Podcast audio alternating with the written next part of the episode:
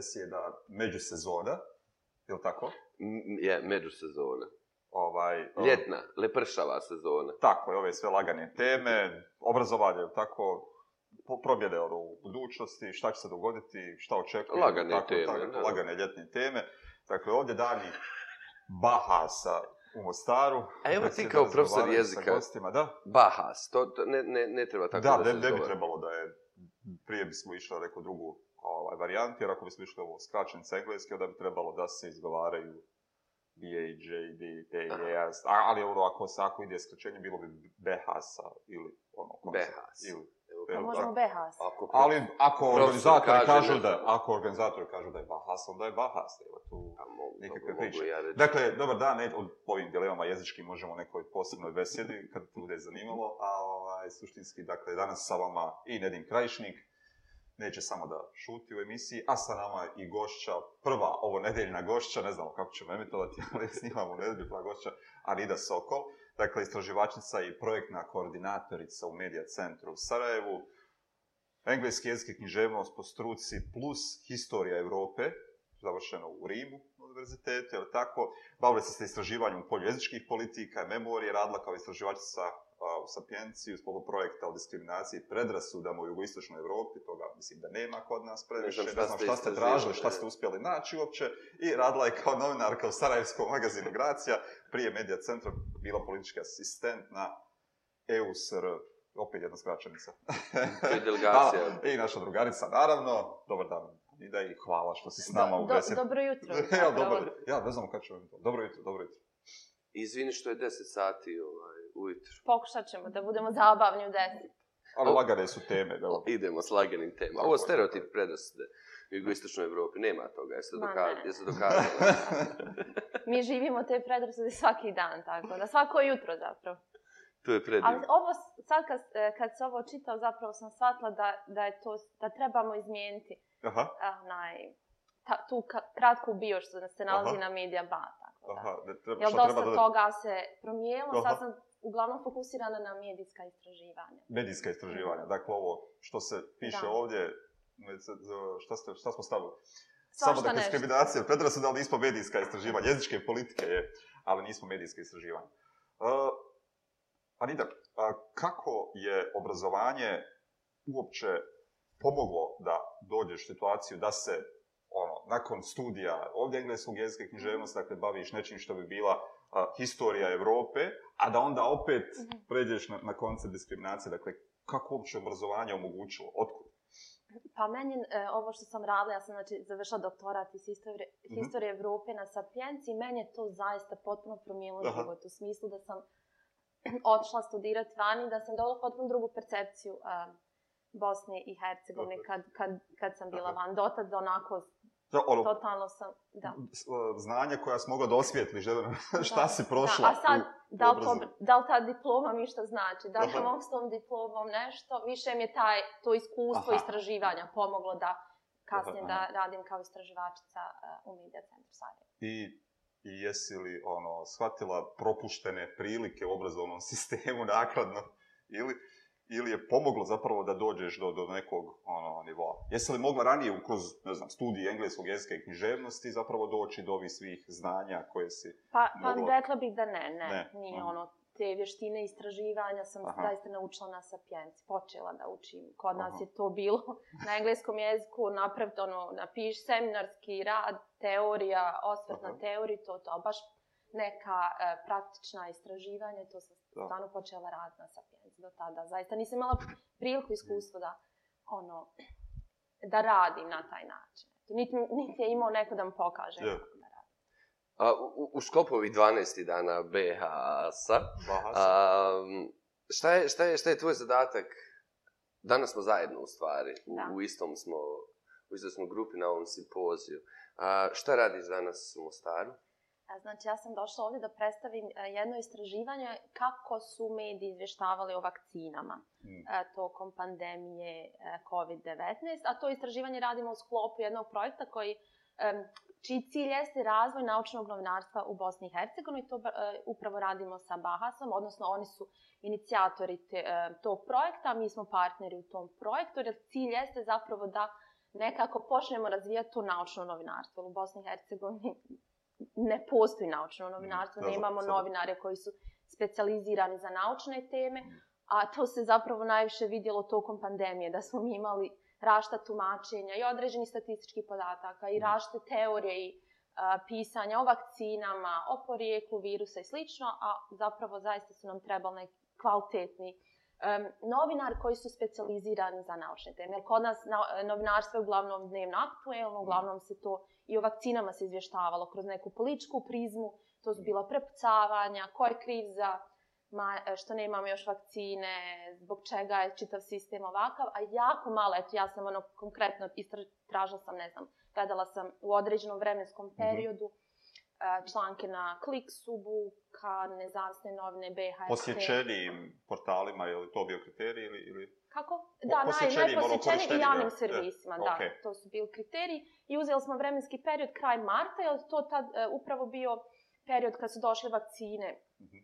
Prve vakcine preko COVAX e, mehanizma, mm -hmm. d, e, zatim počele su i građani da odlaze na vakcinaciju u Srbiji, onda smo zaista imali mm -hmm. ogroman, ogroman broj um, vijesti članaka o tome. Koji je to broj vijesti koje ste vi u tom vremenskom roku? Ma, može, vjerujte, 500-600 i više, uh -huh. samo u tom vremenskom periodu, na, tom, na tim portalima. Uh -huh. uh, problem je zaista, gledali smo izvore, šta su, ko, ko su izvori, uglavnom su poličari. Uh -huh. uh, kad vidite koliki procent ljekara su izvor jako malo, Um, uglavnom su, imate originalne članke određene medijske kuće, uglavnom samo uh, zasnovane na jednom izvoru, uh, -hmm. I jako se malo govori o efikasnosti vakcina. Mi, mi u BH nismo imali kampanju, jednu značajnu, sveobuhvatnu kampanju. Pa nemamo ni vakcina, što će Pozna, pa, pa trebate, vi imate sad, gledajte šta se dešava u Srbiji, ljudi neće da se vakcinišu. Tako i kod nas Ima neće. Ima građana iz Bosne i Hercegovine koji će da odu u Srbiju da se da, vakcinišu. Da, da, evo kao ja. Izdajnici jedni. pa šta ćemo kad nam ova država nije mogućila? Slažem da? se. Tako da, mislim da je tu problem. To će, zapravo, vidjet ćemo tek poslije kako će to ucati na bilo, odaziv građana. Je li bilo makar malo članaka koji su zapravo govorili o tome zašto je vakcinacija važna, kako, šta može pomoći, šta može donijeti na ličnom društvenom? Znate šta je falo? Falili su članci o tome, upravo to, zašto je važno, zašto je važno da se vakcinčemo. Imali smo članke, određeni intervju s nekim ljekarima koji govore, mhm. dosta to, u ovom periodu dosta bilo diskusije o tome uh, da li, se, da li je ok print vakcin pred kraj roka, ne, zato što u Srbiji je ist, e, istisao rok. A, da li je, kakve su nus pojave nakon, pri, e, da li ćemo imati određene jel, teš, mhm. teškoće, odnosno te gobe nakon što primio vakcinu. Uglavnom se o tome govorila ja, ja, jako malo, gotovo nikako o tome zbog čega je važna vakcina. Čak imate, tad je izašao prvi poster um, u kampanji koje je pokrenulo ministarstvo civilnih poslova i to bi trebalo biti kao ta velika uh mhm. -huh. kampanja Poster. za BH. Poster, jedan, prvi, ja mislim da su i na tome ostali, i na posteru piše ukoliko a, imate mogućnost da primite vakcin, primite, ali nemojte zaboraviti da je izbor vaš. Da, da, da. a iz, to je upravo to pozivanje da imate izbor, je naj, uglavnom antivakserski pokret Jeste. često to ugra, upravo govori. Ja mislim da je to pogrešno, da je trebalo uh, više istaknuto zašto je važno da, da se vakcinišemo, a ne ono imate izbor. I onda je tamo bilo dole kao nekoliko tih um, slikica, kako se ne znam. Je, ono. I jedna, jedan dio se ticao da li možete primiti vakcinu ukoliko ste pila alkohol ili nešto tako. Neke, neke irelevantnije a, teme u odnosu na to Kako, koliko je efikasna AstraZeneca, koliko je, jeste, zašto koliko je se efikasna pojedinačna. Jeste ukupili vakcine ba? Jesmo, da. To, to je naša jedini... kolegica Jelena Kalinic. Jeste, to je jedini stvarno portal koji donosi naučno relevantne mhm. informacije o vakcinama. Trudila. Jeste. Ona, e, da, na, upravo, i ona je jedina naučna novinarka u Bosni i Hercegovini, možemo to tako Evo, pozivam, izvinjavam se, pozivam naslednike da uprate Quantum of Science, da. to je, to je njen blog, sjajan blog i aktivan blog i Jelena to sjajno radi. Da, ona stvarno dobro radi, mi smo gledali zapravo mainstream medije, htjeli pa smo da vidimo da, kako su upravo mainstream medije izveštavali. Jeste li pratili komentare ispod članaka? Pa nisam. Nismo, to nije bio predmet istraživanja. Ali smo pratili u jednom prethodnom e, istraživanju, htjeli smo da vidimo kakve su reakcije publike na objave e, Gledali smo e, objave, odnosno članci o izjavama Svjetske zdravstvene organizacije, zatim članci o izjavama naših ljekara i zavoda i htjeli smo da vidimo reakcije. Uh, I ono što se pokazalo jeste da su ti komentari uglavnom ismija, jedna vrsta ismijavanja. I vi kad imate takve mm. komentare, vi zapravo radite neku vrstu relativizacije Tako svega je. onoga što oni rade.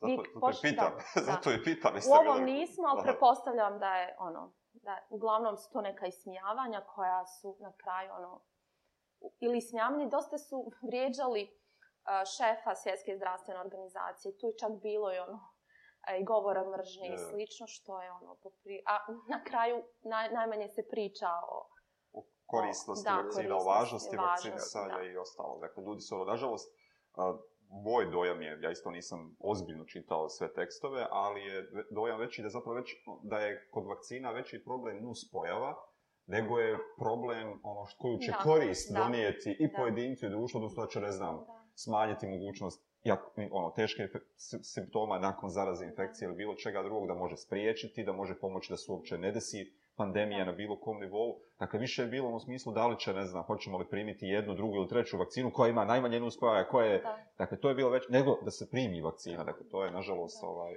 I onda smo imali također fokus grupu sa naučnikom, htjeli smo da spojimo naučnike s jedne strane i novinare koji, koji se izveštavalo vakcinama, da vidimo šta je to problem. Jer naš cilj nije samo da analiziramo neke sadržaje, već da vidimo šta je, mhm, šta, možete šta, ra, šta je, stoji za toga i kakve su preporuke. I onda su to bile razne preporuke, naravno. E, e, naučnici govore da, a i sami novinar govore da im je potrebno obrazovanje u određenim e, oblastima našto u, na, u vezi nauke, a sa druge strane se novinar žale da, ni, da im naučnici nisu dostupni da imaju problem sa nedostatkom sagovornika, kvalitetnih sagovornika, da institucije nisu dostupne, da ne odgovaraju na pitanja i slično. Naučnici imaju obavezu kao da. neko pojavi intelektuala za to kaže, ali nije primoran, ali institucije su primorane zakonom. Da, da, se, da, da, da komuniciraju, dakle da komuniciraju sa, sa medijima.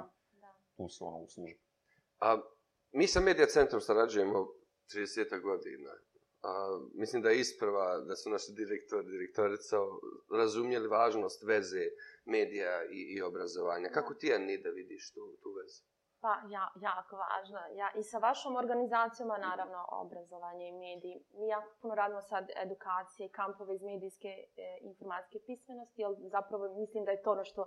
A vi, e, vi ste zapravo i pričali često ja. o tome što nedostaje u obrazovanju. Razvijanje medijske informatike pismenosti od osnovne škole pa dalje, a što se pokazalo iznimno važno tokom eh, pandemije. Što je zapravo i rezultat ovog istraživanja da, u smislu da. kako mi koje potrebe za kojim tekstovima da, imamo, da. koje čitamo, kako reagujemo na njih i šta zapravo dobijamo je mhm. rezultat da. ono nepostojanja kontinuirano. Ja, ja mislim da je ono jedan ili dva sata razgovora sa mladima o tome šta je to kredibilan izvor, gdje naći kredibilne informacije da mu može promijeniti mhm. malo. A zamste sad ono godine i godine rada na, i razvijanje vještine na tu temu. Tako Korištenje da, medija. Jako bitno tako. i step by step šta radi. Tako da... Meni je jako važna ta, ta, ta sinergija. A kako ti, Anida, vidiš o, o obrazovanje za, za, za, za neku budućnost koja ima smisla, koja je održiva, koja a, bi trebala biti u, u, u nekom smislu uh, Evo, ajde da krenemo od toga. Mi smo, mi smo ponudili ovu platformu da razgovaramo s nastavnicima, da sami razumijemo što za nas znači održava budućnost. Ali iz, evo tvoje, tvoje perspektive koja je bogata, s, sa svim iskustvima koje imaš, kako ti vidiš obrazovanje za takvu budućnost? Pa jako važno, ali to bi, obrazovanje treba da bude drugačije da, da bi imao tu bolju, kvalitetniju budućnost. Znači da upravo, mislim da obraza, obrazovanje kaska za, trendovima, evo, mogu se fokusirati najviše na medije.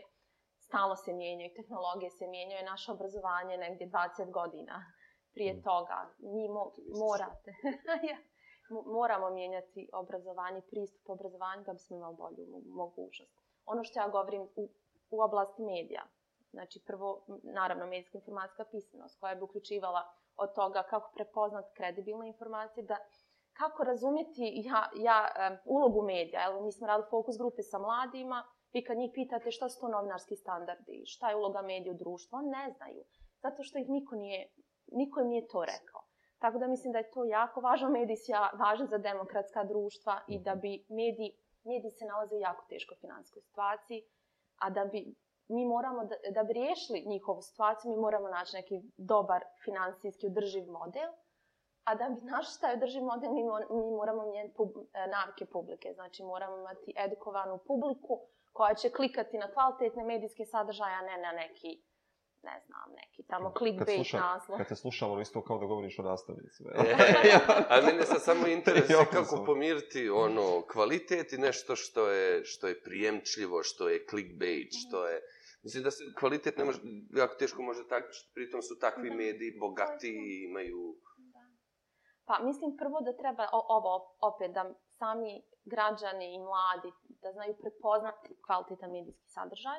Naravno, mi možete upakovati neki i ozbiljan tekst i kvalitetan tekst na neki zanimljiv način. Ono što mi sad radimo možda, e, može vam biti interesantno. E, prošle godine počeli smo e, rad treninge iz oblasti solution novinarstva, solution journalism. Da. I kad radimo fokus grupe sa mladima, uvijek nam govore mi ne želimo da pratimo medije, pune su negativni vijesti, uglavnom će vam, i sad smo radili sa jedno istraživanje o povjerenju publike u mediju, uglavnom govore da ne vjeruju medijima zato što su puni informacija negativnih um, vijesti i sl. E, solution journalism ide na to da ide na pozitivne priče. To ne znači da ćemo mi pričati samo o pozitivnim stvarima, uh mhm. -huh.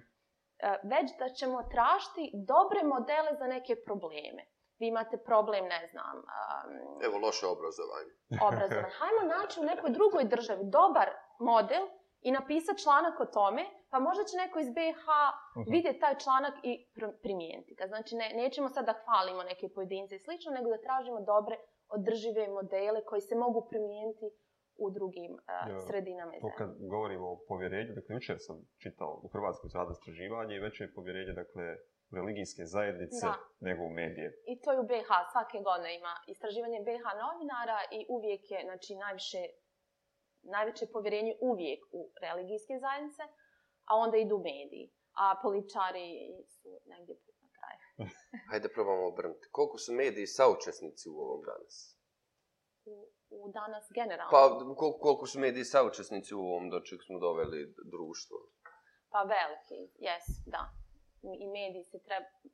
Mediji su pod jakim političkim ucajem u BH, a to se vrši kroz netransparentno finansiranje medija, vrši se kroz imenovanja čelnih ljudi u javnim e, medijima i javnim servisima.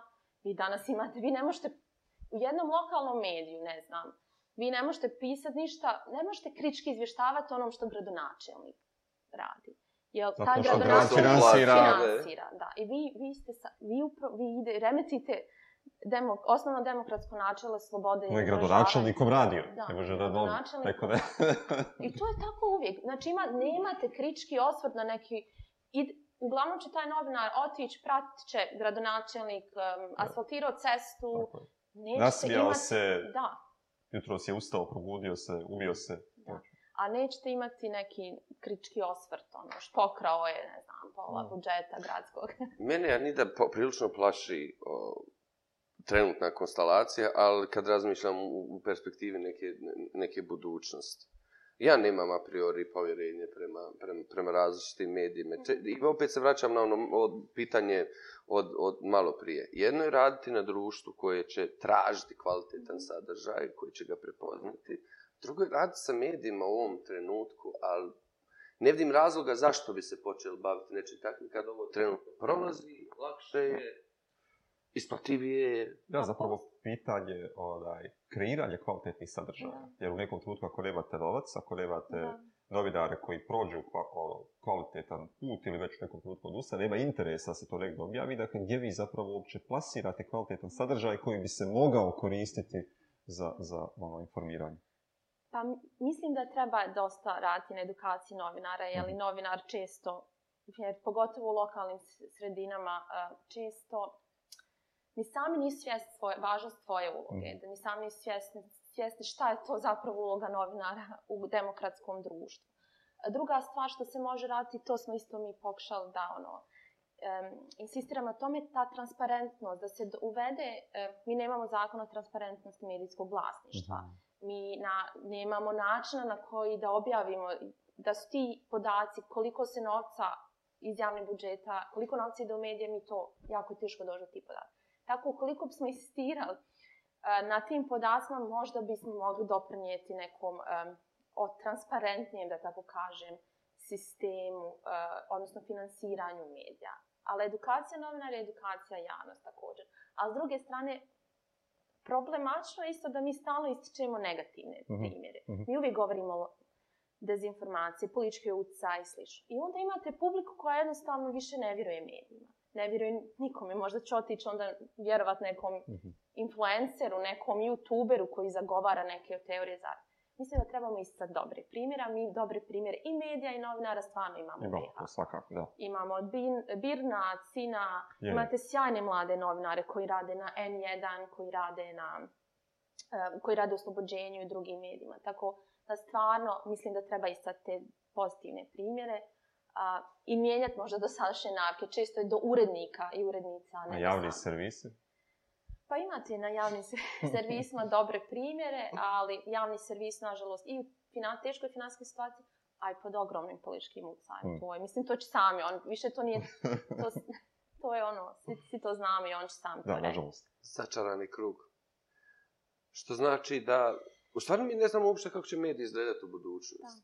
Pa evo, ovo što vi radite, apsolutno, ono, to, je, to su ti trendovi. Vi imate danas Guardian, on, veliki medijski, velike medijske kuće su sve pokrenule i podcaste ili neke nove formate da privuknu publiku. Da, da, da, to, to Guardian prvo vidio od, od, od Stefa, pa kroz besede da. kaže vidi kad mogu momci u Bosni sa milionskim auditorijom, može valjda i Guardian. Tako da mislim da domaći mediji trebaju da se nađu, da nađu modele nove, da pri, prilagode svoj sadržaj novim formama, formatima, kako već, da bi zadržali našto mlađu publiku.